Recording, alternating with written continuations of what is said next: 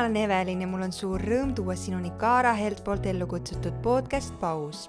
siin podcastis on fookus erinevad teemad naiseks olemisest ja emaks kasvamisest ning seda tõetruult, teaduspõhiselt ja hinnangute vabalt tänane saade puges mulle eriti sügavalt hinge ja seda ennekõike Liis-Rebecca lõputu südamlikkuse, siiruse ja elule alistuva hoiakuga.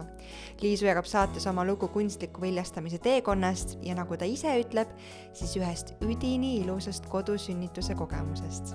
head kuulamist!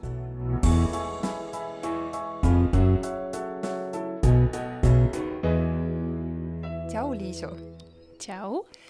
sul on äh, üks väga pikk äh, ja ilus lugu ja teekond selja taga ja tegelikult ma ei tea, vist lapsevanemaks saamine või ma saan aru, et see sünnitusprotsess ja nagu rasedusprotsess on kõik selja taga, aga minu arust see teekond on väga pikalt veel ees. jaa, absoluutselt. sa jõudsid mulle teha ühe sissejuhatuse, mis ma ei tea, kas sa kuidagi muus minu näost välja lugesid, aga mul oli kananahk ihul ja äh, Äh, see on ühtepidi kuidagi teema, millest ei räägita, äh, siis kunstliku viljastamise äh, pool sellest teekonnast. ja sa ütlesid mulle ka, et sa tundsid ennast selles olukorras hästi üksi mm, jaa. kas me võime võib-olla selle saate sellest äh, sisse juhatada äh,? sa oled imekaunis noor naine, sul äh, sul on väga mitmeid äh, erinevaid eluvaldkondi äh, läbi käidud ja millega sa toimetad, aga meie tänane fookus on just äh, sinu lapsevanemaks saamisel. jaa, absoluutselt, et äh, ma võib-olla alustaksin siis natukene kaugemalt.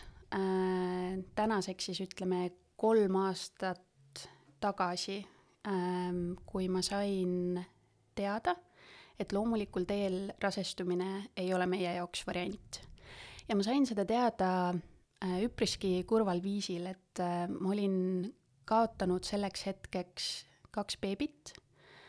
Ähm, mis ühega juhtus, seda ma ei oska öelda, tagantjärgi ma oskan spekuleerida, et see oli äh, samamoodi emakaväline rasedus nagu teine. teise nii-öelda kaotuse puhul siis võib-olla see trauma oli kõige suurem, et me elasime tol hetkel Poolas ja tegelikult ma ei teadnudki, et ma olen rase. ja kuidagi, sest mul oli olnud menstruatsioon. ja, aga see oli selline teistmoodi võrreldes eelnevatega. ja ma mõtlesin, noh, et ma huvi pärast teen äh, äh, rasedustesti ja väga suur šokk oli näha, et see oli äh, positiivne valdasid väga suured äh, emotsioonid äh, nii heas kui halvas mõttes, sest üks nii-öelda kurb sündmus oli selja taga, nende kahe raseduse vahele jäi siis viis kuud. ja teisalt olin ma nii õnnelik, et, et nii pikalt olime juba proovinud ja esimene lõppes õnnetult, et aga nüüd on meie uus võimalus.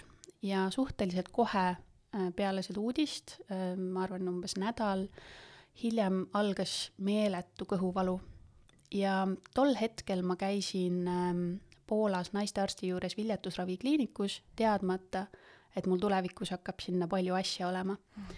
ja läksin äh, naistearsti juurde jälle täiesti äh, värisevalt, et äh, olen rase, aga algas jälle verejooks, et vaatame, mis toimub. ja ta tegi mulle ultraheli ja ütles, et ähm, Äh, minu olukord on kriitiline, et minu kõhus on viissada milliliitrit verd ja ma vajan kohest operatsiooni. Ja see oli minu jaoks äh, nii suur šokk, et ma ütlesin talle, et ei, ei, et ma lähen koju, ma lähen Eestisse, et ma lasen seal selle operatsiooni teha. ja ta ütles, et see ei ole variant. Ja ta kirjutas mu kohe haiglasse sisse, see oli äh, tol ajal siis Covidi ajal äh,, kus minu abikaasa ei saanud minuga kaasa tulla, kes äh, valdas poola keelt Äh, mina tol ajal oskasin endale vaevu vett restoranis tellida poola keeles ja ja seal ei rääkinud siis selles naistehaiglas keegi inglise keelt ja ma olin nii haavatavas olukorras võõras riigis, kus keegi ei räägi minu keelt, ei räägi inglise keelt, teadmata, mis minuga toimub, teadmata, kus see rasedus on ja teadmata, mis seal tehakse. ja lõpuks äh, ma sain siis ähm, kogu nii-öelda info vahetatud läbi oma naistearsti sellest erakliinikust, kes oli minuga kogu aeg telefoni teel ühenduses ja samal ajal rääkis arstidega, et aru saada, äh, mis toimub ja seal nad ütlesidki siis mulle, et äh, rasedus on emakaväline ja tuleb teha operatsioon, et munajuha eemaldada. ja selle operatsiooni käigus äh, avastati, et ka siis teine munajuha on läbimatu. ja mm, kui ma järgmine hommik ärkasin, siis ähm, ma veel ei teadnud, mis tehti, mis saab edasi mm, mulle näidati kohvri peale, et ma võin oma asjad kokku pakkida ja haiglast lahkuda. anti kaasa suur hulk poolakeelseid pabereid, millest ma loomulikult sõnagi aru ei saanud ja, ja kui mu abikaasa mulle järgi tuli ja me koju sõitsime, siis äh, helistasime minu naistearstile äh, viljatusravikliinikust, et kas ta aitaks aru saada, et mis toimus. ja siis ta ütleski, et äh, ta helistab sinna haiglasse ja annab meile kohe teada. ja ta palus meil minna tema vastuvõtule kohe ja kui ta ütles mulle seal, et äh, diagnoos on selline, et äh, üks munajuha on läbimatu ja teist mul siis tänaseks enam ei ole, ja soovis teha edasisi analüüse. ja kui analüüside käigus tuli välja, et äh, mul ei ole ka väga munarakke enam järgi, siis see oli minu jaoks äh, täielik nagu selline panniga näkku olukord, et mida see tähendab või, või mis edasi ta hakkas rääkima äh, viljatusravist ja, ja ma ei uskunud seda kõike, sest et ma ei teadnud sellest mitte midagi, ma ei olnud kuulnud sellest, et keegi oleks seda läbinud. ja, ja tol hetkel, kui me sealt ära sõitsime, siis, siis ma hakkasin seedima kogu seda protsessi, et ähm, poleks üldse osanud uskuda, et see juhtub minuga. et koolist kõik, mis ma olin kaasa saanud, oli see, et kui sa oled kaitsmata vahekorras, siis sa jääd rasedaks. seal ei räägitud ähm, vähemalt ma ei mäleta, et oleks kogu nii-öelda seksuaaltervisest räägitud sellises võtmes, et mis üldse on ovulatsioon ja kuidas rasestumine on võimalik. ja, ja nüüd seisin ma siis sellise nii-öelda küna ees, et äh, mul tuleb hakata tegema viljatusravi, millest ma midagi ei teadnud. ja ma teadsin, et ma tahan seda teha Eestis sest see olukord, millesse me olime siis jõudnud seal Poolas, oli äh, nii suur šokk nii mulle kui mu abikaasale, kelle töö tõttu me elasime Poolas ja tema ütles seda, et nüüd on aeg koju tagasi kolida. ja Eestisse kolides me võtsime ühendust äh, Novavite kliinikuga mm,, kelle jaoks me siis tõlkisime kõik paberid, mis minuga Poolas juhtus ja seal nad alustasid koheselt viljatusraviga aga nad ei andnud mulle lootust just minu munaraku reservi tõttu. ja kui mind ootas e ees esimene mm, punktsioon, ehk siis kus äh, protsess, kus võetakse munarakud välja ja kui ma sellest narkoosist ärkasin ja läksin arsti vastuvõtule ning ta ütles mulle, et äh, munarakke ei olnud. et äh, on aeg mõtlema hakata doonori peale. siis see oli järgmine panniga näkku minu jaoks, sest ähm, ma ei arvanud, et selline võimalus üldse on. tol ajal ma olin kahekümne kaheksa aastane, et ma olen kahekümne kaheksandaks eluaastaks äh, nii-öelda kõik minu munarakud on juba läinud. aga ma ei nõustunud selle diagnoosiga või ma ei võtnud seda omaks äh,. ma ütlesin ka arstile, et ma soovin proovida veel oma munarakkudega, aga mul on nüüd vaja natuke hingamisruumi. ja kuigi tema sõnad mulle olid, et jätkame kohe et oleks mingitki võimalust, et tema ei näinud mingit reaalset võimalust, et ma saaksin oma munarakkudega rasestuda, siis ähm, ma vajasin seda aega, ma vajasin seda aega, et terveneda äh, nii füüsiliselt kui emotsionaalselt. ja kui ma selleks hetkeks olin endast olenevalt teinud kõik, ma olin radikaalselt muutnud oma äh, toitumist, ma tegelesin viljakusjoogaga, ma olin, ma olin hästi nii-öelda võib-olla silmaklapid peas, mul ei olnud muud eesmärki elus, kui, kui rasestuda ja, ja võtta see olukord nii enda kontrolli alla kui võimalik ja teha kõik, mis minu võimuses, et ma saaksin kunagi emaks. siis ähm, sel hetkel ma sain aru, et ma olen võib-olla muutunud liiga obsessiivseks sellel teemal ja mul on vaja lahti lasta. väga kerge öelda, väga raske teostada. Ja kui me otsustasime, et me võtame sellest pausi siis äh, umbes seitse kuud hiljem ma tundsin, et ähm, ma tahaksin uuesti proovida, aga sellepärast, et ma saaksin oma munarakke külmutada, kui neid meil õnnestub veel saada.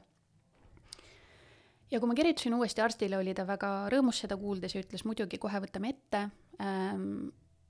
ma pidin süstima endasse väga palju erinevaid hormoone äh,, see mõjutas mind äh, emotsionaalselt kindlasti väga palju. ja, aga ma olin väga, kuidagi väga nautisin elu tol hetkel, ma olin otsustanud, et kõik need nii-öelda väga ekstreemsed asjad, mida ma olin ennem siis nii-öelda praktiseerinud otsustasin sinnapaika jätta ja, ja lihtsalt jätkata tavalise eluga ja siis ma mäletangi, et ma olin sõbrannadega Pärnus ja kuskil Sunseti WC-s pidin endale hormoone süstima, et keegi ei teadnud, et me teeme seda uuesti, sest ma tahtsin, et see jääkski ainult meie vahele. ja kui ma läksin sinna teisele eh, punktsioonile, et munarakke välja võtta, läksin ma hästi avatud meelega.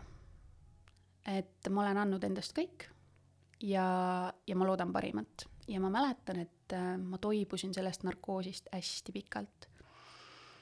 ja kui ma üles ärkasin, siis mu esimene küsimus oli, et õe käest, kes tuli mulle vett pakkuma, et kas te ütlesite mulle, et te saite munarakke, et ma, ma nagu mäletan seda. ja ta ütles mulle, ei, mina ei ole midagi öelnud ja siis ma mõtlesin, et okei okay,, et see on lihtsalt minu selline soovmõtlemine. ja kui arst oli valmis mind vastu võtma ja ma läksin sealt uksest sisse ja ta nägu oli maailma suurima naeratuse all ja ta ütles mulle, et me saime kaks munarakku, siis loomulikult me olime mõlemad lihtsalt väga-väga õnnelikud ja, ja, ja siis ma küsisin temalt, et kas teie ütlesite mulle, et me saime need munarakud, sest ma mäletan seda ta ütles jaa, et sa ei saanud midagi aru, sa rääkisid üldse minuga inglise keeles oma suvepäevadest, mis samal päeval toimusid minu äh, töö juures et äh, ja sellest hetkest, kui ta ütles, et me saime munarakke, ma teadsin, et kõik läheb hästi. ma teadsin, et on võimalus, et need munarakud, äh, kui nad siis viljastatakse seemnerakuga, et embrüo ei jää elama. aga see ei olnud minu jaoks sel hetkel variant, mul oli nii tugev tunne, et, et kõik läheb hästi. ja ta ütles mulle, et see toimus siis reedesel päeval ja et esmaspäeval äh, toimub siis, kus pannakse mulle embrüo sisse ja ta ütles, et kui ma hommikul helistan äh,, siis tähendab seda, et nad ei jäänud elama, et siis ei ole vaja tulla. ja ma mäletan nii hästi seda esmaspäeva hommikut, kui ma olin vannitoas ja mul helises telefon. ja ma kartsin vaadata. Aga seal oli minu töökaaslane, kes palus, et kas sa saad HDMi juhtme pärast kaasa võtta, kui meil oli tööüritus. ja siis ma mõtlesin ka, et noh, sa kunagi ei helista mulle ja nüüd siis täna sa pidid helistama, et mul juba süda kukkus saapa säärde, eks ole ja kui ma läksin sinna mm, Novavita kliinikusse tagasi ja see embrüo pandi mulle sisse, sellest hetkest ma taaskord teadsin, et kõik läheb hästi. Nad lugesid mulle sõnad peale, mida ma teha ei tohi. ja sellel hetkel ma teadsin, et äh, ma ei taha muutuda jälle selliseks obsessiivseks, nagu ma olin olnud ja et ma võtan ise selle vastutuse, et ma elan oma elu täpselt samamoodi edasi. üheks tingimuseks oli, et äh, mu keha ei tohi saada vibratsiooni aga see tööüritus, kus me olime, seal viidi meid sellise suure nii-öelda kastiautoga siis äh, mööda metsa sõitma ja terve aeg, kui ma seal sõitsin ja loksusin ja mõtlesin, et see võib-olla on see vibratsioon, mida ma ei tohiks täna saada. Aga oma peas mõtlesin, et kui see on loodud olema, siis äh,, siis see peab, peab õnnestuma ja, ja selles mõttes, et kõik läks hästi. saingi äh, äh, siis nii-öelda juba päris varakult teada äh,, kunstliku viljastamise puhul siis saab päris kiirelt teada, et kas see nii-öelda õnnestus või ei õnnestunud äh,. korraks tuli šokk seitsmendal nädalal äh,, kui taaskord ähm, hakkas tulema verd. Aga see tunne, et kõik läheb hästi, jäi püsima. ja, ja paari päeva pärast mul oligi ultraheli, kus ma siis sain selle rõõmusõnumi ja kuulda beebi südant tuksumas, et, et ma arvan, et see tunne, et kõik läheb hästi, kandis mind terve raseduse, et, et see oli, see tunne oli nii tugev, et mul ei tekkinud kordagi kahtlust, et äkki midagi on halvasti, vaatamata sellele, mis oli mu kogemus olnud varasemalt kui palju sa seda teekonda oled jaganud lähedastega või sel hetkel, kui sa selles protsessis olid, jagasid? jaa, ma jagasin seda tegelikult, kui ma sain selle diagnoosi Poolas, siis ma otsustasin, et ma jagan seda ka oma sotsiaalmeedias ja lihtsalt sellepärast, et tunda, et ma ei ole üksi. ja see vastukaja, mis ma inimestelt sain ja nähes, et kui palju on neid naisi, kes läbivad sama teekonda, oli minu jaoks selles mõttes šokeeriv, aga samas ka väga nagu toetav, et näha, et ma ei ole sellel teekonnal üksi. ja loomulikult olid meile väga suureks toeks meie vanemad, aga kui me tegime eh, seda teist katset, siis ei teadnud ka nemad, siis me ei rääkinud tõesti mitte kellelegi, et see oligi ainult eh, meie kahe vahel ja, ja ma arvan, et see oli õige otsus tol hetkel. kuidas sa üleüldiselt äh, suhtud sellesse, et on see siis sotsiaalmeedia või lihtsalt lähedased tuttavad, kui näiteks äh, naine jääb rasedaks, siis hoitakse kiivalt seda saladuses kuni, ma ei tea, seal vähemasti kaksteist, kolmteist nädalat, kuni need kõige suuremad riskid on justkui seljatatud mm -hmm. ja enne ei julgeta rääkida, sest mis siis, kui juhtub.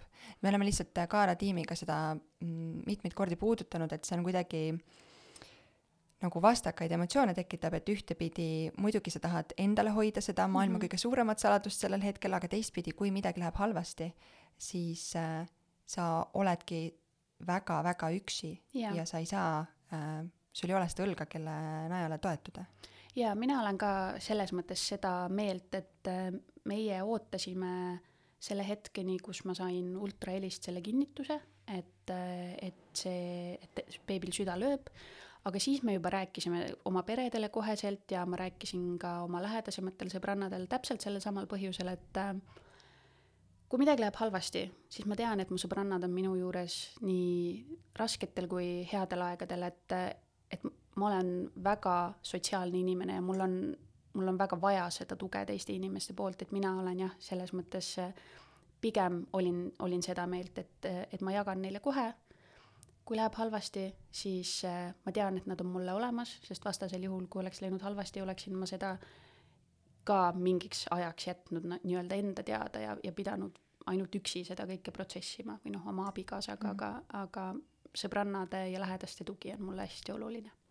sa räägid täna seda siin, äh, mina vähemasti näen, et sul pisarad silmanurgas, sa oleks väga tugev.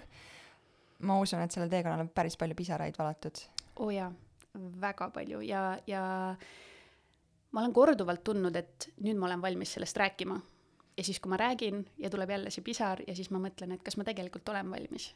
aga siis ma saan aru, et ähm, et see pisar ei pea tähendama seda, et ma ei ole valmis, vaid see lihtsalt äh, on nii-öelda kuidagi märk sellest teekonnast, et see, see oligi raske ja, ja ei peagi olema tugev sellel teekonnal, et on okei okay olla haavatav. ja, ja täna ma tegelikult selles mõttes ähm, mõtlen ikkagi tagasi, et äh, selle, selle mõttega kogu sellele teekonnale, et ju siis see pidi nii minema. sa oled rahu teinud sellega? absoluutselt. kui palju sa mõtled sellele esimesele katkenud rasedusele ähm.?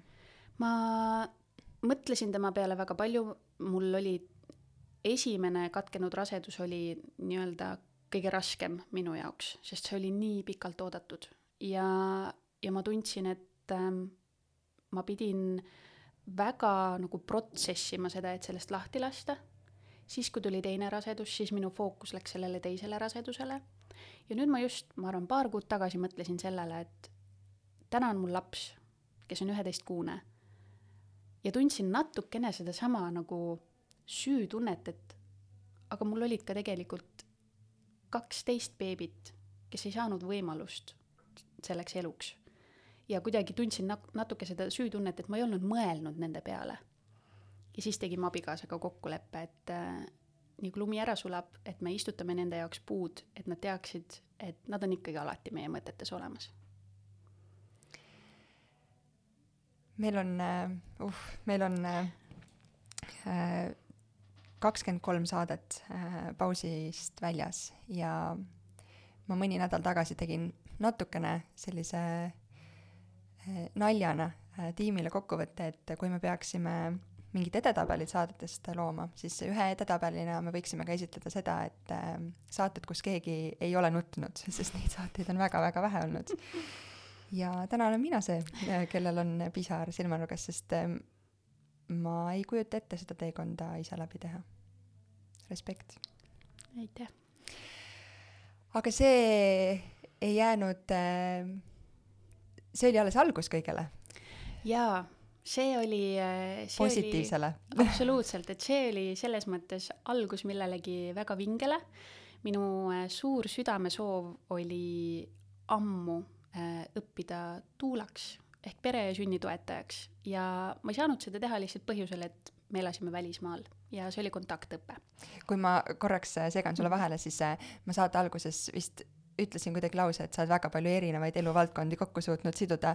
Äh, sa oled õppinud psühholoogiat, sa oled õppinud õigusteadusi, jah, ja nüüd ka tuula. ja, ja et ma olen selline väga äh, hunt kriimsilm, et oma palgatööna võib-olla ma kasutangi siis äh, rohkem oma kõrgharidusi, et äh, ma töötan Eesti ühes startup'is äh, tööõiguse alal ja, ja siis ma tundsingi, et ähm, tänu oma nii-öelda teekonnale rasestumiseni eh, ma olen väga selline inimene, et ma soovin kõike raku tasandini teada. ja siis eh, ma väga tahtsin õppida tuulaks ja juba sellepärast, et aidata neid inimesi, kas, kes on samal teekonnal, mida mina olen läbinud, et nad väga vajavad tuge. Ja kui ma läksin tuulaks õppima, siis tegelikult äh, paralleelselt äh, samal ajal ma jäin ka rasedaks, nii et äh, kandsin oma beebit sama kaua, kuni ma Äh, õppisin siis äh, pere sünnitoetajaks, et äh, väga, väga vinge ettevalmistus enda raseduseks ja sünnituseks, ma ütleksin. ja väga põhjalik. absoluutselt, et väga palju praktikat, rasedana ma ju pidin toetama sünnitusi ja ma väga selgelt mäletan, kuidas ma olin ühel kodusünnitusel ja, ja rase küsis mu käest, et kuidas sa suudad olla nii rahulik. Et mina siin muudkui kriiskan nagu siga aia vahel ja sa oled nii rahulik, sa oled ise umbes, tol hetkel ma olin kolmkümmend viis nädalat vist rase, et sa oled kohe sünnitamas, et, et kuidas sa suudad olla nii rahulik. Ja ma ütlesin ka, et see on selles mõttes, et see on teadlik töö jääda keskmesse. et see, et kui ma sinuga siin kaasa kriiskan või nutan, et sellest ju ei ole mingit abi ja ma tean, et see on sinu lugu. minu lugu on teistsugune, et äh, mul ei olnud üldse rasedana raske mm, olla sünnitustel, et pigem tekitas see minus põnevust, ootusärevust, aga üldse mitte hirmu.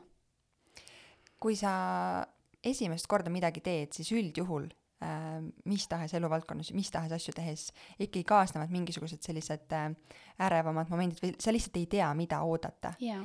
nähes kõrvalt äh, teisi naisi sünnitamas mul on väga raske seda mõista, et see ei tekitanud mitte mingisugust sellist äh, siis pigem negatiivset ärevust, elevust äh,, hirme. jaa, mul selles mõttes, et ähm, kogu aeg, kui ma nägin, et noh, nad on valudes, siis tol hetkel mina mõtlesin ainult seda, et aga mina ei tunne seda valu ja ükskõik, kuidas keegi üritab seda valu mulle kirjeldada, siis ma ei mõista seda. ainuke võimalus on kogeda seda nii-öelda omal nahal. et äh, ja isegi kui äh, kui ma kuulan teiste inimeste sünnituslugusid, olgu need millised iganes, siis äh, ma alati nii-öelda võtan seda vastu mõttega, et see on nende lugu ja minu lugu saab olema täiesti teistsugune. et, et mul tõesti ei tekkinud üldse mingisugust ähm, hirmu või sellist ärevust, et äh, mina läksin oma sünnitusele vastu tõesti väga-väga avatud meelega. sa valisid äh, teie beebi siia ilma tuleku viisiks kodusünnituse teadlikult. kas see oli miski, mis juba ammu enne kogu seda protsessi meeles kõikus või, või tuli see tuulaõpingute ajal või millalgi seal? see on ammu olnud minu sooviks äh,. isegi ma ei ütleks, et, et siis, kui me hakkasime last planeerima, vaid ammu enne seda. see kuidagi on alati tundunud minu jaoks loomulik ja turvaline valik kas sul on keegi lähedane, kes on seda teed äh, selliselt teinud või kust see mõte üldse äh, tol hetkel e, minu tädi on tegelikult sünnitanud kodus, aga ma ei teadnud seda. ma sain seda teada siis, kui äh, ma ise ütlesin talle, et meie laps on sündinud kodus ja, ja tolleks hetkeks siis oli ka üks minu sõbrannadest sünnitanud äh, kodus, aga rohkem ma ei ja tema valik oli kindlasti seotud ka sellega, et oli Covidi aegne aeg ja kaaslased ei olnud lubatud haiglasse. ja, aga mina jah, kuidagi mul oli hästi tugev tunne ja ma võib-olla alguses isegi pelgasin oma abikaasale seda öelda, et ah, et lihtsalt infoks sulle, et kui kunagi sünnitamiseks läheb, et siis mina sooviks sünnitada kodus, aga tema, tema nagu vastus oli selline, et tema nagu, ta ei arvanudki midagi muud minust, et et selles mõttes see, see on nii oluline, et ollakse sellel teemal ikkagi ühel meelel ja, ja me ei rääkinud sellest mitte kellelegi, välja arvatud oma perekondadele, kes toetasid meid sada protsenti selles otsuses.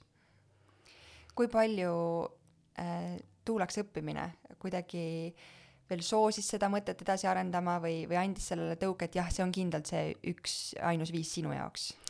see selles mõttes aitas kaasa, et minu õpetaja tol ajal, Ingrid Kaoküla, oli, ma teadsin, ma soovin teda oma ämmaemandaks ja üheksa kuud temaga koos õppides andis mulle võib-olla, mida koolipäev edasi, seda rohkem ma sain seda kindlust. sest ta ikka jagas oma ägedaid lugusid ja see, kuidas ta meid õpetas, et, et selles mõttes ähm, täiesti nõus, et iga koolipäevaga see tunne nagu aina süvenes lihtsalt sellepärast, et ma nägin teda seal.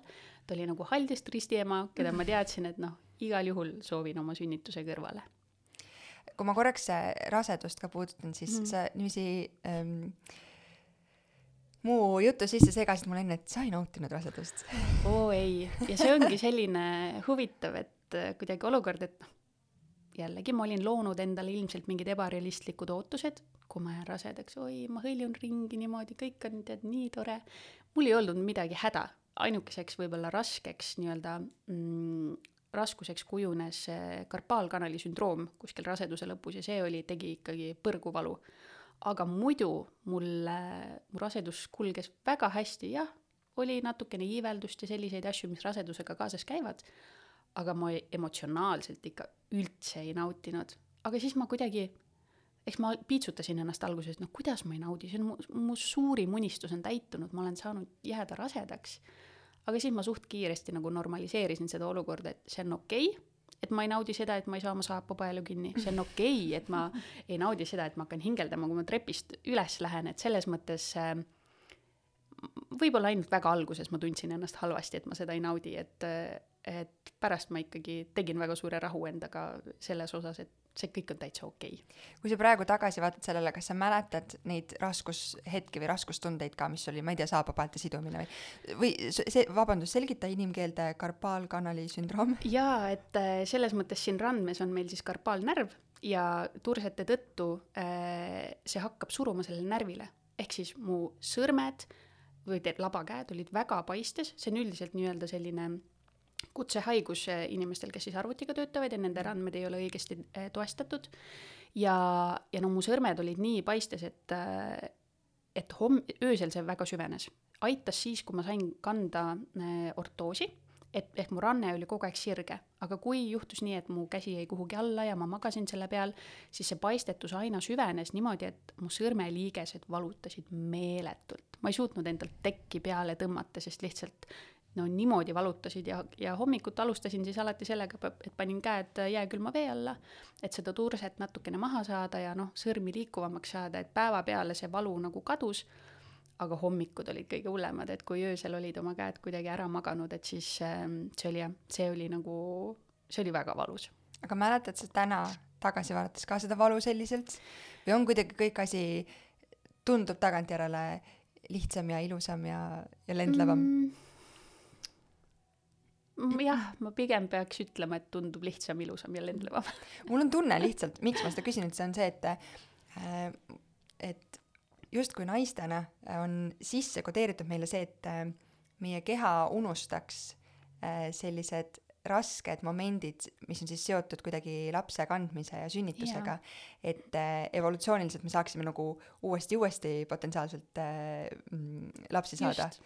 Et ma, sest oli ka mul mingid väga, ma üldse ei võrdle ennast sinu looga, aga mingeid olukordi, mis äh, no pigem teist korda ei tahaks teha, aga mm -hmm. kui ma mhm. täna vaatan nendele asjadele, siis äh, mis sabakondi valu mm, -hmm. ma ju sain istuda, mis sest, et äh, ma mäletan, me pidime sõitma kodust äh, IKEA-sse või, või ühesõnaga kuhugi lähedale poodi ja see tundus äh, maailma kõige pikem mm -hmm. teekond, maailma kõige õudsem autosõit, sest yeah. mu sabakond lihtsalt, ma pidin ära surema yeah. aga tagantjärgi see ei tundu enam nii hull see, see on tõsi jah, me koolis me õppisime ka seda, et kui peale sünnitust ähm, tulevad sellised nagu vappe külmavärinad, et see ongi selleks, et su keha unustaks seda kogemust. jah ja. et ma väga mäletan peale enda sünnitust, kui see tuli siis ma küll mõtlesin, mul ei ole siin midagi unustada, kõik oli nii ilus ja tore, aga noh, loomulikult oli see valu, mida on vaja unustada. et äh, ehk on all. Vau, kui põnev, ma tõesti ei teadnud Jaa. seda, sest ma mäletan, et äh, mina vabandasin oma ämmaemanda ees, et ma niiviisi värisen, sest tema püüdis samal ajal mulle kahte iluõmblust teha Jaa. ja ma, ma ei olnud, ma ei suutnud ju paigal olla, ma lihtsalt kontrollimatult värisesin mm. -hmm. ja siis ta ütles, et ei ole üldse hullu, see on väga okei okay. ma ei teadnud, see on väga põnev äh, mõte. aga äh, hoolimata sellest, et äh, rasedus võib-olla ei olnud see, mida sa ilmtingimata nautisid väga mm. -hmm. siis äh, sünnitus äh,, sünnitust oled sa kirjeldanud mulle kui väga ilusat äh,, päästavat äh,, võimsat kogemust. jaa. see oli tõesti, see oli ähm,, ma mäletan seda esimest emotsiooni. kui ma ära sünnitasin, siis ma ütlesin ähm, asjade seal kokkulangemise tõttu minu sünnituse kõrval ei saanudki viibida äh, minu ämmaemand Ingrid Kaugüla, aga viibis siis teine kodusünnituse ämmaemand Siiri Ennika. Ja kui ma ütlesin talle, et ma sooviks endale ausamba püstitada. Ja ta hakkas niimoodi naerma ja ütles, et see on täpselt see tunne, mida ta soovib, et iga naine tunneks peale seda, kui ta on ära sünnitanud. et minu siis äh, nii-öelda teadlik otsus või tähendab minu ja minu abikaasa oli siis see, et meil tuleb planeeritud kodusünnitus. Ja mm, olime selleks siis, selleks, et üldse kodus saaks sünnitada, on loodud ka kodusünnituse juhend, ehk siis on välja toodud äh, võib-olla asjaolud, millal, mis puhul ei saa kodus sünnitada. et rasedus peab olema kindlasti normaalselt kulgev, rasedal ei tohi olla diabeeti pre, preklampsiat, ei tohi olla mitmikrasedus ja seal on väga palju erinevaid äh,, erinevaid nüansse, et mina selles mõttes olin täiesti ideaalne rase ja mul oli hea meel selle üle, et vahepeal ikka, kui ämmaemanda juurde läksin, siis mõtlesin, et noh, et ma palun, et jumala eest ei oleks mul mingit, ma ei tea, kas preklampsiat külge tulnud või midagi, et, et ma ikkagi saaksin kodus sünnitada. ja tehakse riskide hindamine, et kas äh, ongi, et kuidas on rasedus kulgenud äh,, kuidas on äh, varasemad rasedused kulgenud, et et seal ka varasematest rasedustest sõltub palju, keisrilõikega näiteks ei tohi kodus sünnitada. ja kõigepealt tehakse esmane hindamine äh, rasedust jälgiva ämmaemanda poolt ja siis on, teeb teise hindamise kuskil kolmekümne kuuendal nädalal kodusünnituse ämmaemand, kes tuleb ka sulle koju üle vaatama, et kas kodus on päriselt tingimused, et, et kodus sünnitada. annab seal äh, ka juhiseid, et mida sa kindlasti peaksid varuma endale koju. ja näiteks, kui tegemist on mitmekorruselise majaga, et siis äh, väga tervitatav oleks sünnitada ikkagi seal esimesel korrusel, juhuks, kui peaks olema vajadus ümberviimiseks haiglasse et siis on kiirabil ka hea nii-öelda äh, ligipääs. aga mina teadsingi, et ähm, ma soovin sünnitada mm, kuival maal, kuigi minul endal oli ka sünnitoetaja, kes väga soovitas äh, sünnitada sünnitusbasseinis. aga nagu me siin ennem ka põgusalt rääkisime, et siis ma olen oma olemuselt võib-olla väga selline mis puudutab puhtust, siis väga pedant ja see mõte sellest, et ma astun sinna basseini ja välja ja basseini ja välja ja siis ma tilgutan seda vett mööda oma elutuba laiali, et see ei, tundus midagi, mis lisab väga palju stressi sellele olukorrale. kas see on miski, millele sa mõtlesid ka, ma saan aru, et seda eh, ei, ei saanud teoks, et sa seda basseini sinna Jah. elutuppa ei lasknud panna, aga kas üldse see, milline su ümbritsev äh, keskkond on või ma ei tea, kus on mingid, ma ei tea, verepritsmed või mm. -hmm. midagi muud, kas see on miski, millele sa mõtlesid ka sünnituse ajal või sa mõtlesid sellele enne ja pärast? Ehm, ma mõtlesin sellele enne, sünnituse ajal ma ei mõelnud, kuigi ma mäletan, et ähm, kui ma olin siis omaenda vannis, vannitoas ja kui vahetult enne presse ma ütlesin äh, oma tuulale ja abikaasale, et ma sooviksin hoopis minna duši alla, et tooge mulle siia joogamatt ja fitnesspall. ja kui ma läksin sinna nelja käpikule, sain ma päris kiirelt aru, et ma ei taha olla selles poosis, ma ei taha olla duši all, aga mu ainuke mõte oli, et siis, kui ma läksin elutuppa, mõtlesin, issand, need asjad jäid duši alla ja see mõte häiris mind, et need vedelevad seal. et selles mõttes jah, mul ikkagi äh, täna ma mõtlen, et see oli võib-olla hea mõte, et seda sünnitusbasseini ei tulnud, sest kui juba mind häiris see, mis nii-öelda laga jäi maha siis vannituppa, et kui see oleks mul silme ees olnud kogu aeg seal elutoas, need märjad võib-olla jalajäljed põrandal, et siis äh, see oleks ilmselt jah, mõjutanud mind tol hetkel. tead, mul on tunne, et sa oled natukene ekstremist selles osas, et, et esmarasedad tihti äh, mõtlevad, kaasa arvatud mina ka, et äh, oi, et kuna ma sündisin haiglas, et mis ma sinna haiglakotti ikkagi panen, ma panen mm -hmm. meigiasjad ja siis selle ilusa hommikumante, sest ma ju, ma ei, esiteks ma ei tea, mida oodata, aga kindlasti mul on aega ja ma tahan, ma ei tea, selline sünnituse ajal või pärast sünnitust välja näha, siis reaalsuses sünnituse ajal mul oli kama kaks, mis toimub, mis mul seljas on, kes mind vaatab äh, ja nii edasi, et, et mul on tunne lihtsalt, et sünnituse ajal ei jää aega tegelikult sellisteks asjadeks. ja ma selles mõttes, et mul oli endast ka kama kaks, aga kuidagi ähm, noh, see keskkond, millesse ma sünnitasin, äh, et see toimub kodus, oli minu teadlik valik. Ja minu soov, et see keskkond oleks siis minu nõuetele vastav, oli nii, nii tugev lihtsalt, et, äh, et mul on hea meel, et need asjad jäid sinna vannituppa, et ma ei näinud neid, sest ma sünnitasin lõpuks elutoas et aga, aga eks ma olen mõlgutanud mõtteid, et kui ähm, kui mul avaneb võimalus kunagi veel sünnitada, et siis ma ik-, ikkagi tahaks selle basseini vist ära proovida, sest vesi oli minu jaoks nagu täiesti noh, uskumatu abimees.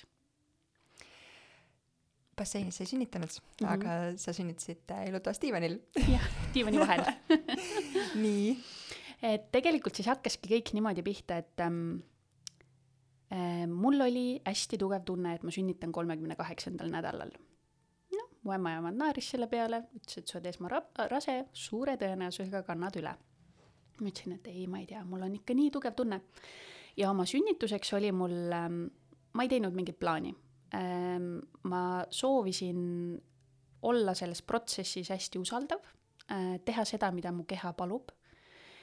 aga mul oli üks salasoov ja see oli see, et ma sünnitaksin valges, valgel ajal, sest et ähm, ma mõtlesin, et noh, ma sünnitan siin kodus, mul on kohati kuuemeetrised aknad, et kui on pime ja tuled põlevad, siis on show tervele tänavale et äh, ja juhtuski valgel ajal, et äh, mu laps sündis üheksateist kakskümmend kolm, mis siis oli viieteistkümnendal aprillil ja oli valge tol hetkel. aga hommikul, ähm, sellel samal hommikul siis ma tundsin, et ähm, vist midagi hakkab toimuma. ma terve raseduse vältel ei tundnud ühtegi libatuhu, ma ei teadnud, mida see tähendab, äh, mis tunne see on, aga ma tundsin, et midagi on teistmoodi tol hommikul ja läksin äh, tualetti ja avastasin, et mul hakkas limakork eralduma. et to-, see hetk oli ka võib-olla nagu hästi julgustav, et me olime koolis õppinud seda, et on normaalne, kui sellega kaasneb ka veritsus. sest kui ma seda ei oleks teadnud, ma oleks ilmselt esimese asjana sammud haiglasse seadnud. ja seda limakorki eraldus siis äh, terve päeva vältel ja jällegi koolis olime õppinud, et äh, kui sa lõõgastud ja tuhud intensiivistuvad, et siis on õige asi kui nii-öelda rahunevad maha, et siis on, siis on libatuhud. ja ütlesin oma abikaasale ka, et nüüd vist hakkab pihta. see oli hommikul kuskil kella seitsme aeg, kui ma ütlesin talle seda ja siis ta ütles, et mm, okei okay,, et ma siis üritan veel magada ja ma teadsin, et me olime kokku leppinud, et me mõlemad üritame magada nii palju kui võimalik, aga noh, siis ma juba vaatasin, ahah, meelehetil koduperenaised hakkasid, siis ma läksin neid vaatama. Ja tegin listi, et mida siis äh, abikaasa poest tuua võiks. Ja siis, kui ta ärkas, läksime koeraga jalutama ja elasime hästi sellist argielu.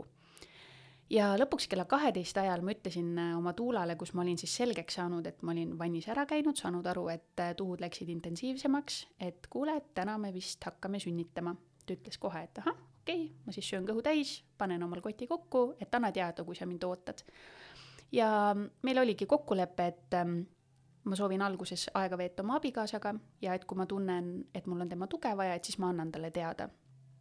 mul ei olnud oma sünnitoetajale muid ootusi kui see, et äh, ta aitaks mind olukordades, kus ta näeb, et ma tõmban nagu kringliks või lähen krampi, et ma teadsin, et kõige olulisem on olla lõdvestunud ja ja see oligi minu ainuke soov talle, et palun lihtsalt ütle mulle, kui sa näed, et ma olen krampis, et ma lõdvestuksin ja et ma alistuksin sellele protsessile. ja kui ta lõpuks kella kahe aeg tuli, siis ta ütles mulle, et sa oled ju nii rõõmus, et kindel, et hakkad sünnitama, aga ma ütlesin, no need tuhudevahelised ajad, need on ju täiesti nagu mingi jumala kingitused, lihtsalt nagu nii palju saad puhata, said nalja teha ja, ja kuidagi ähm, mul olid kohe siis nii-öelda regulaarsed tuhud, aga ma ütlekski, et siis, kui ma ta kutsusin, et siis mul olid nagu sellised juba valusad tuhud. ja terve oma sünnituse vältel ma olin väga aktiivne äh,, paar tuhu ma siis äh, olin kuskil põrandal maas oma sünnituspesas, mis ma olin diivani vahele teinud, siis ma olin püsti äh,, rippusin oma abikaasa kaelas, olin äh, vetsus, et hästi palju nagu ma tundsin, mu keha, ta vajab hästi palju liikumist.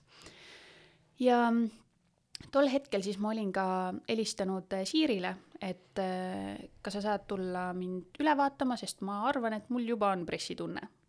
sest kõik olid võrrelnud seda, et see on, et see on tugev kakahäda tunne. ja kui ta tuli ja, ja vaatas mu avatust ja meil oli ka selline kokkulepe, et ta ei ütle mulle, äh, kui kaugel on avatus, sest et äh, ma teadsin oma peas, et see ei anna mulle midagi. et äh, see näitab, kui kaugele me oleme jõudnud, aga see ei näita, kui kaua veel on. ja ma ei tahtnud seda kuidagi stressi, et kui ta ütleb, et näiteks, et väga vähe on avatust. ja ta ütles mulle, et veel sa sünnitama ei hakka, et mine vanni, et see mõjus sulle väga hästi. ja ta, ta oligi, ma arvan, et ta jõudis kuskil poole viie aeg ja kella viie aeg siis ta ütles mulle, et mine vanni ja ma läksingi viiest kuueni vanni ja ta ise läks koju, ta elas sama, elab samas vallas, kus mina. ja kella kuueni ma olin seal vannis ja siis mul tuligi see, see viiest kuueni oli selles mõttes nagu väga aktiivne avanemisperiood, siis ma lõpuks sain teada, sest pärast ta ütles, et mis mu avatus oli, kui ta esimest korda käis. ja see tund aega vannis oligi väga intensiivne ja ma mäletan, et ma korra ikkagi ütlesin äh, oma äh,, oma siis nii-öelda äh, meeskonnale, kes mul seal kõr-, vanni kõrval oli, et ma tahan epiduraali. ja siis mu Tuula keratas mulle, ei taha sa midagi, et, et sa pead usaldama seda protsessi, sa pead alistuma ja lõdvestuma. kodusünnitusel ju isegi see ei see, ole kuidagi ei, võimalik. minu mõte oligi see, et viige mind haiglasse, et lihtsalt saada seda valuvaigistit, eks ole. ja, aga ta ütles, ja siis ta ütles mulle, et mõtle, et iga tuhu, mis tuleb et sellega on su beebi sulle lähemal. ja see andis mulle nii palju jõudu. ja terve see tund aega ta lasi nagu katkine grammofon mu kõrval, alistu ja lõdvestu, alistu ja lõdvestu ja see aitas mind meeletult. nii kui ta need sõnad lausus, ma ainult keskendusin sellele. ja kui ma peale kuud sealt vannist välja tulin, püsti tõusin ja siis ma sain aru, et nüüd on küll pressitunne ja kohe tulid ära veed ja just Siiri oli saatnud mulle sõnumi, et kuidas läheb ja siis mu abikaasa juba helistas, et, et nüüd tundub küll pressitunne. ja ta tuli äh, kohale, ma arvan, et ta jõudis siis kuskil äh, pool seitse, kolmveerand seitse. ja kui ta esikus jalanõusi ära võttis, siis ta juba hüüdis, see on pressitunne, sest see hääl, mis minust siis välja tuli, oli väga teistsugune kui lihtsalt äh, nii-öelda tuhude ajal häälimine.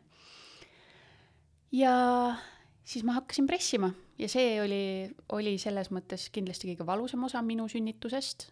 Äh, ka kuidagi ei mahtunud mulle pähe see, et ma suudaks ühe lapse välja pressida või kuidagi mõistus hakkas hästi vahele segama. kui ma sinna hetkeni olin olnud väga, väga, väga usaldav ja nagu nii-öelda vooluga kaasa minev, siis sellel hetkel ma lihtsalt mõtlesin, et kuidas see on võimalik, et ma inimlapse endast välja pressin, see lihtsalt ei mahtunud mulle pähe ja Siiri nägi, et ma hakkan nagu natukene paanikasse minema sellest. ja siis ta ütles mulle kogu aeg, vaata õue, vaata õue, et, et vaata neid puid ja seda päikest. ja see aitas mul natukene siis oma nagu keskmesse tagasi tulla.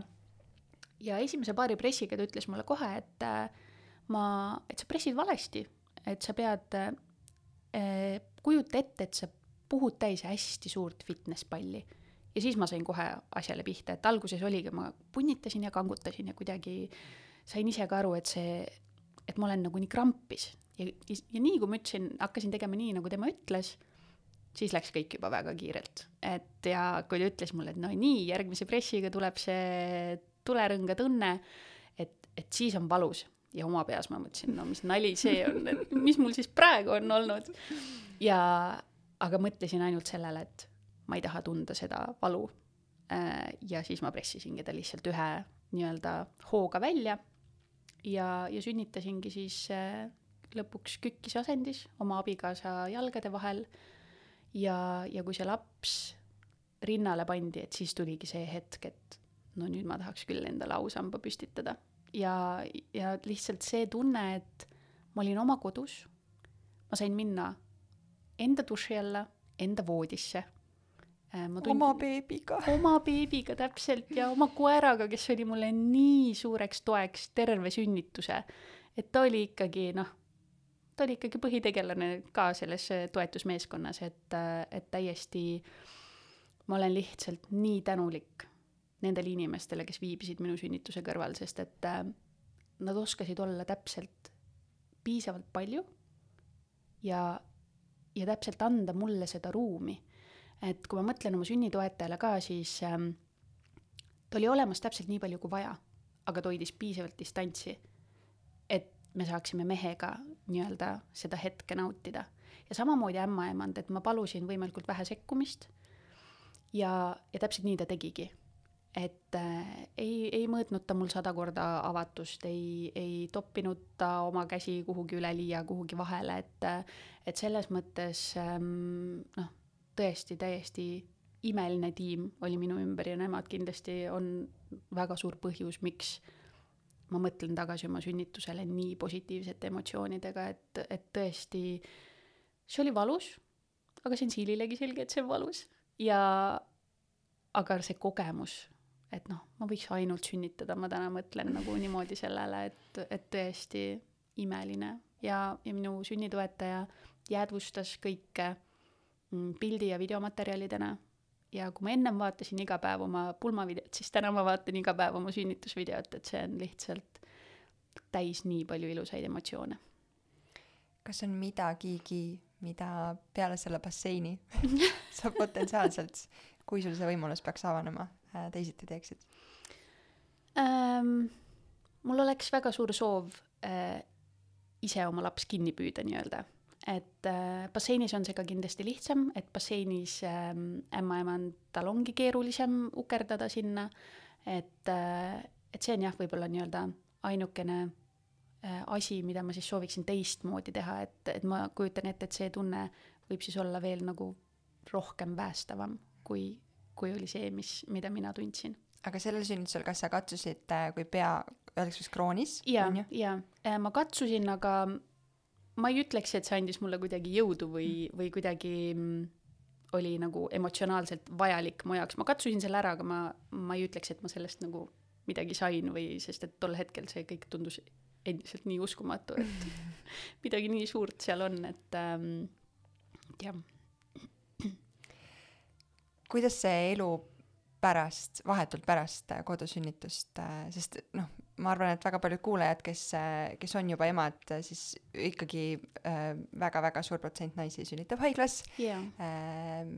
ja mõne jaoks see on ka kõige, nende jaoks kõige turvalisem koht. Yeah. ja näiteks mina isiklikult tundsin mm, ma ei ole küll kunagi väga äh, armastanud valgeid kitleid ja mm -hmm. haiglakeskkonda, aga sünnituse puhul ma tundsin, et see on nagu minu jaoks turvaline koht yeah. ja minu, mu sünnitus, ma räägin umbes samasuguste säravate silmade nagu, nagu sina oma sünnitusest rääkisid, üldjuhul ka enda omast, sest ma tõesti, ma tagantjärgi vaatan, et ma ei oleks mitte midagi tahtnud teistmoodi, see oli minu jaoks väestav, ilus äh,, supervõimas kogemus äh, aga ma järjest rohkem mõtlen sellele, et kui mul õnnestub seda teekonda ühel päeval uuesti läbida mm, -hmm. siis ma kaaluksin kodusünnitust, kui kõik äh, kuuseis ja tähtede mm -hmm. langemine, kõik peaks olema õige ja kõik äh, tegurid ja need nõuded täidetud ähm,.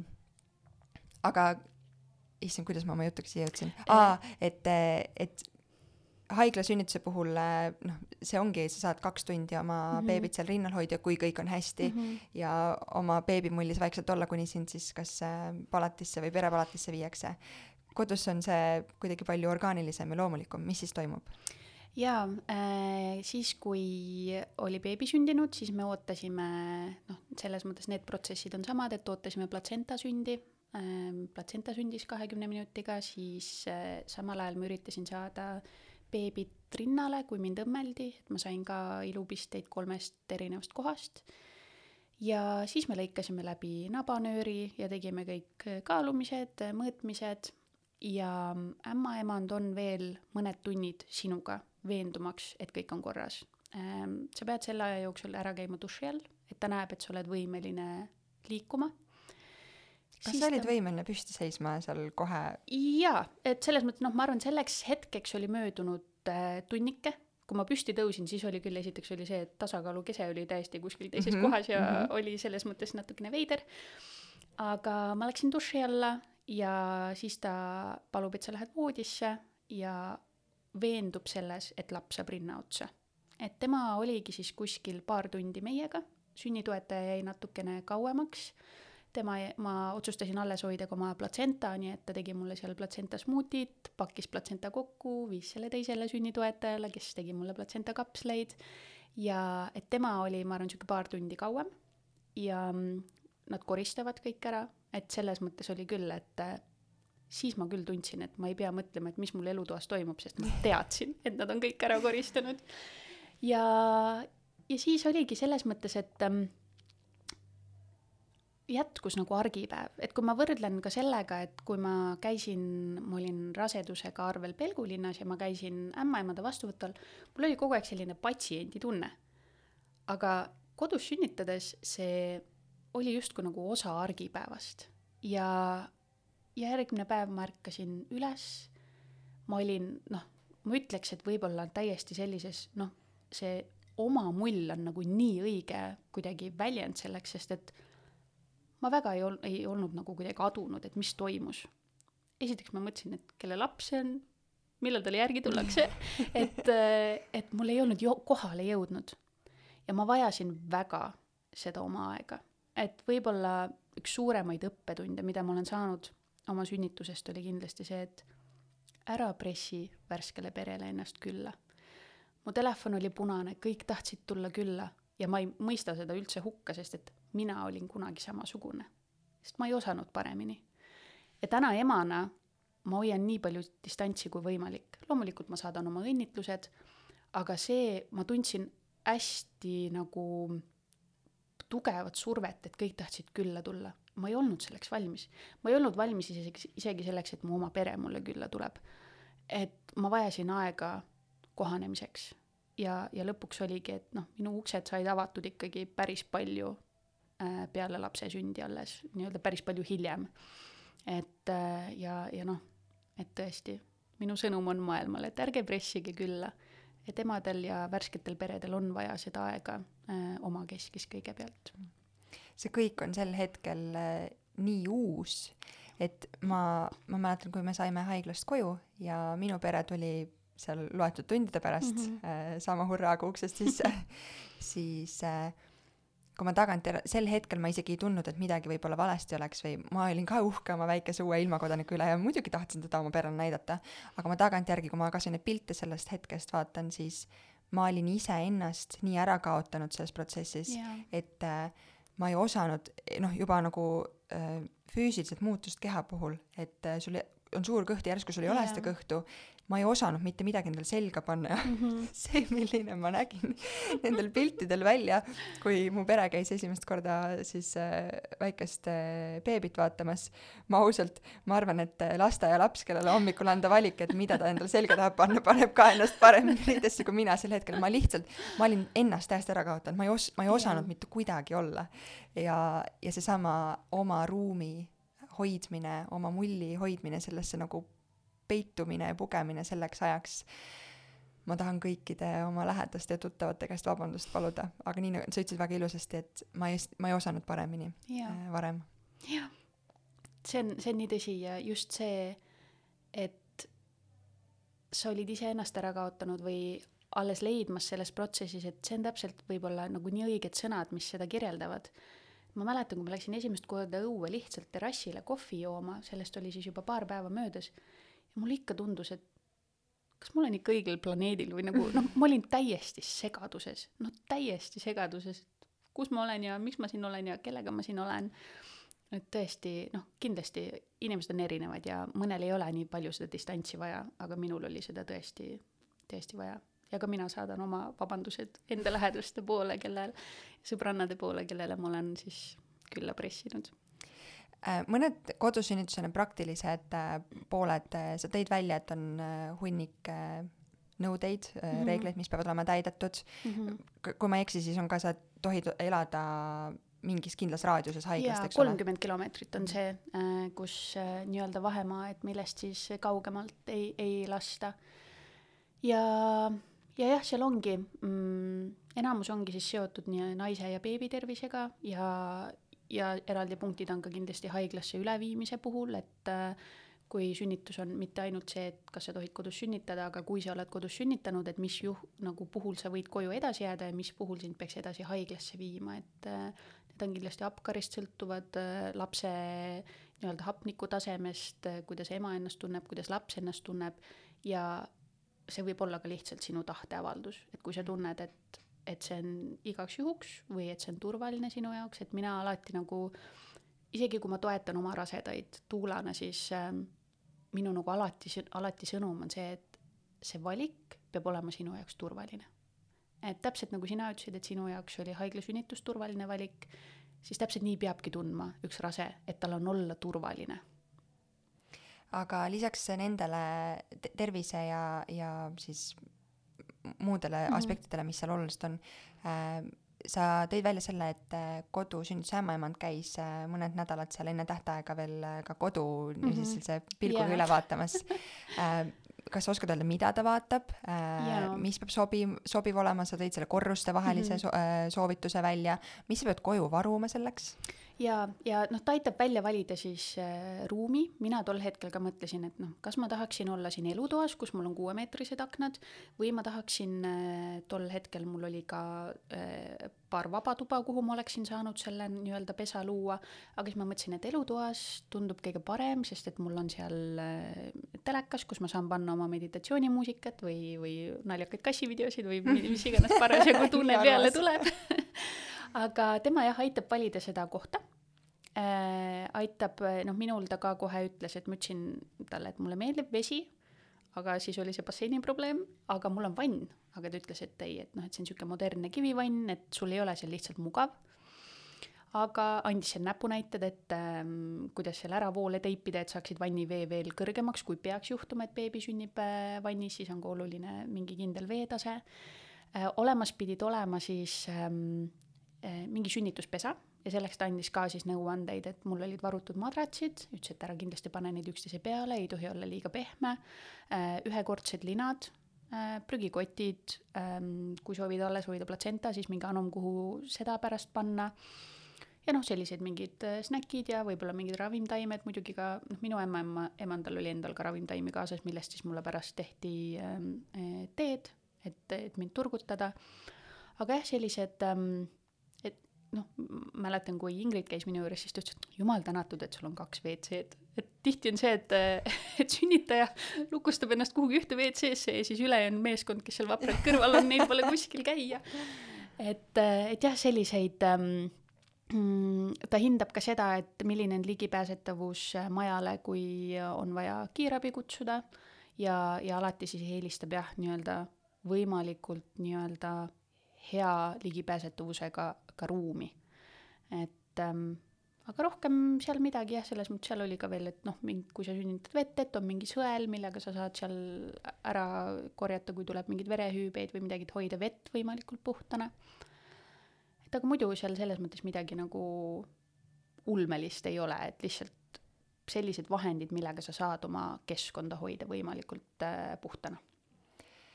Kui ettevalmistunud su abikaasa oli selleks äh...? tema oli, äh, kuna mina ise siis õppisin samal ajal tuulaks, siis ma tundsin, et äh, noh, mis ma ikka võtan perekooli loenguid, et ma ju õpin koolis seda ja, ja ka praktika raames pidin äh, siis läbima erinevaid ähm, rasedusaegseid toetavaid nii-öelda teenuseid. aga tema ähm,, tema jaoks me ikkagi võtsime perekooli. ja see oli nii vajalik. Eriti oli niimoodi, et ma mäletan ähm, me võtsime Ingridi perekooli ja me, me saime selle videoloengute materjali, sest tol ajal tal ei alustanud ühtegi gruppi, kuna ta eelistas teha kontakt nii-öelda kohtumisi, aga tol hetkel siis ei tohtinud kontaktkohtumisi olla ja ta saatis meile siis videomaterjali. ja oi, mu abikaasa siis oli see, kellel pult oli kogu aeg käes, vajutas stopp. aga miks nii on? ja see oli nii tore, et mina oskasin talle seda kõike seletada, et tegelikult kui Ingrid võib-olla natuke muretses tol hetkel, et noh, et see videomaterjal ei ole nii hea, et alati ei saa küsimusi küsida sellel hetkel, kui tahad, siis meile sobis see väga hästi.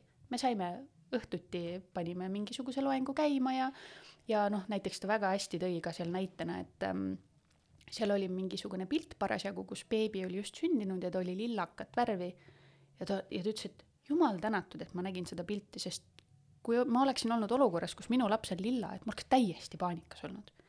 et, et see oli kindlasti talle nagu hästi suureks äh, abiks, aga ma ütlesin temale samamoodi täpselt nagu oma sünnitoetajale, et mul ei ole teile mingeid ootuseid, et ma olen kindel, et te selles protsessis saate aru, mis on õige, kuidas käituda.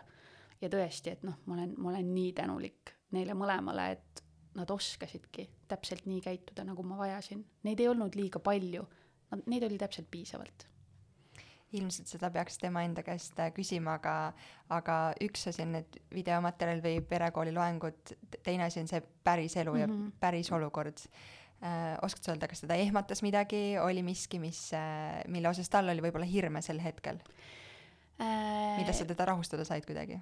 Mm,? ei, ma ei ütleks, et tal oli hirme, tema samamoodi võttis seda kõike vastu väga suure usaldusega nagu mina, aga meil oli sünnituse ajal oli küll üks hetk, kui Siiri ütleski, et noh, et siit saate pead katsuda. ja, aga ma nägin, kuna ma olin kükisasendis, siis ma nägin seda pead ja kuna ma toetasin oma abikaasa põlvedele, siis ka tema nägi seda pead. ja mu ainuke mõte oli, et issand, see on ju mingi kilone laps, et tal on nii väike pea. ja ma mäletan, noh tol hetkel me ei arutanud seda, aga kui laps ära sündis, et siis me hiljem saime teada, et see oli sünnimuhk, mida me nägime. et, et see oli tõesti nii pisike ja mõtlesime, et appikene, et kas midagi on valesti, et ta on nagu nii väike. aga, aga see oli jah, nii-öelda selline ainukene hetk tema jaoks. Eh, et tema ka ikkagi on noh, mõtleb samamoodi ma loodan, vähemalt nii palju, kui ta on mulle rääkinud, et sama positiivsete nagu emotsioonidega tagasi sellele sünnitusele, et et tõesti kuidagi kõik, kõik läks nii, nii hästi. et ei olegi kuidagi mingit sellist ähm, kõhklust või, või kahtlust või, või tunnet, et oleks võinud seal midagi teistmoodi teha. mul on nii hea meel teie üle. aitäh ma ei küsiks seda küsimust, sest ma tean, et see võib väga palju äh, vastakaid emotsioone esile kutsuda, aga kuna sa ise niiviisi vi-, paiskasid õhku selle potentsiaalselt kunagi äkki basseini kasutamise yeah. loo juures selle teema, siis äh, ma ikkagi küsin, sa võid, võid öelda, et Evelin, see ei olnud viisakas aga arvestades, tulles selle loo alguse juurde tagasi äh,, kuidas see beebi ootele jäämise protsess oli mm, -hmm. siis äh, kas on üldse mingi võimalus äh, seda teekonda uuesti ette võtta ja, ja mis, mis tingimustel või millisel juhul? Jaa, et meil on ähm, nii-öelda siis, nagu ma rääkisin, me saime kaks munarakku, kellest mõlemad viljastusid, nii et siis üks embrüo on meil äh, külmas. teda on meil võimalik kasutada siis seitsme, noh tänaseks kuue aasta vältel, et siis äh, kui seitse aastat saab täis, siis nad hävitatakse. ja nüüd, kui ma käisin ka mm, en-, siis äh, enda naistearsti juures, kel, kellega ma siis nüüd jätkangi sealsamas Novavita kliinikus ähm,, tema küsis ka, et mis me edasi teeme. ja ma ütlesin, et ähm, ma olen alati unistanud suurest perest, aga täna olen ma ühe lapsega õnnelik.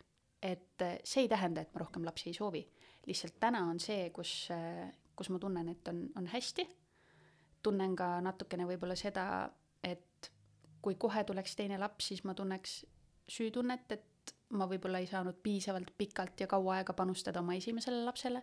kuidas on võimalik seda armastust jagada, ma ei tea. ma ei teadnud juba, kuidas on võimalik ainult äh,, seal, teil on ka koer, eks yeah.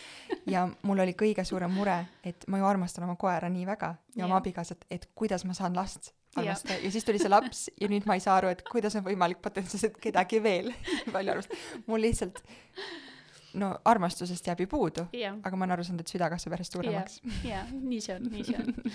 et selles mõttes meil on võimalik see teekond äh, uuesti ette võtta äh,, natukene siis lühemalt, selles mõttes, et meil on nüüd olemas keegi, keda istutada minu sisse, et kogu see operatsioon, et neid munarakke välja võtta, et hormoonid on ikkagi kindlasti mängus, aga mitte enam nii pikalt. et varasemalt see hormoonravi eelnes, oli, mis eelnes, oli ikkagi päris pikk et nüüd ta oleks äh, siis oluliselt äh, lühem. Ja millegipärast on mul ikkagi väga nagu tugev tunne, imesid juhtub ja et mul on võimalus ka loomulikul teel rasestuda, aga ma ei ole muut-, muutunud nagu selle nii-öelda võib-olla mõtte osas nagu ka väga selliseks, et et noh, ma olen lahti lasknud, ma olen seda mõelnud ja ma olen lahti lasknud. et, et selles mõttes me rasestumist täna kuidagi ära ei hoia kui see juhtub, siis järelikult pidi nii minema, aga täna selles mõttes ma ikkagi tunnen, et ma olen ühe lapsega rahul ja ma hetkel ei oleks valmis teiseks lapseks. et äh, minu imetlus kõikidele emadele, kellel on mitu väikest last järjest, et, äh, et mina tunnen, et äh, selle ühega kohanemine on olnud paras katsumus ja, ja hetkel just olen jõudnud nagu punkti, kus ma olen taas leidnud iseennast, oma naiselikkust, justkui iseennast nagu tagasi saanud. et, et hetkel on selles mõttes meil kõik, kõik sellega hästi. ma olen nii tohutult tänulik sulle selle jagatud loo eest. aitäh! sa oled, sa oled teadlikult võtnud selle eesmärgi seda lugu jagada?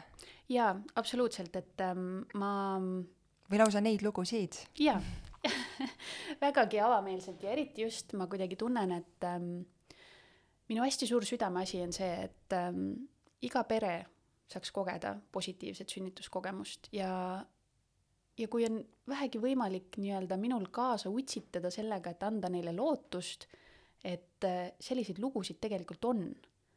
ja aga kuidagi esiplaanil on rohkem need, et mis seal võib-olla äh, valesti läks või kellel ei olnud nii toredad sünnituskogemused või kes sai sünnitusabi vägivalda tunda, et et selles mõttes ma kuidagi jah, ma tahaks sellest hästi paljudele inimestele rääkida ja, ja ka selles teie podcast'is jäi, jäi kõlama, ma ei mäleta, kes see külaline oli, et, et nendest võiks rohkem rääkida. ja see oli see, mis andis minule selle taipamise, et see on nüüd minu missioon. rääkida seda nii palju kui võimalik, nii paljudele inimestele kui võimalik, et et anda võib-olla kuidagi julgustust, eriti nendele naistele, kelle esimene sünnitus võib-olla ei ole olnud äh, nii ilus ja võib-olla on olnud isegi traumeeriv ja selle tõttu ei julge rohkem lapsi saada. aitäh, et sa seda teed. aitäh. ja ma tõesti loodan, et hoolimata sellest kadalipust, mis te pidite läbi tegema, et äh, sa, sa oled korduvalt selle saate jooksul maininud, et su tunne oli hea ja tunne yeah. oli õige ja ma loodan, et see hea tunne kannab äh, sind ja su pere veel pikalt edasi. Aitäh sulle! aitäh! tšau! tšau!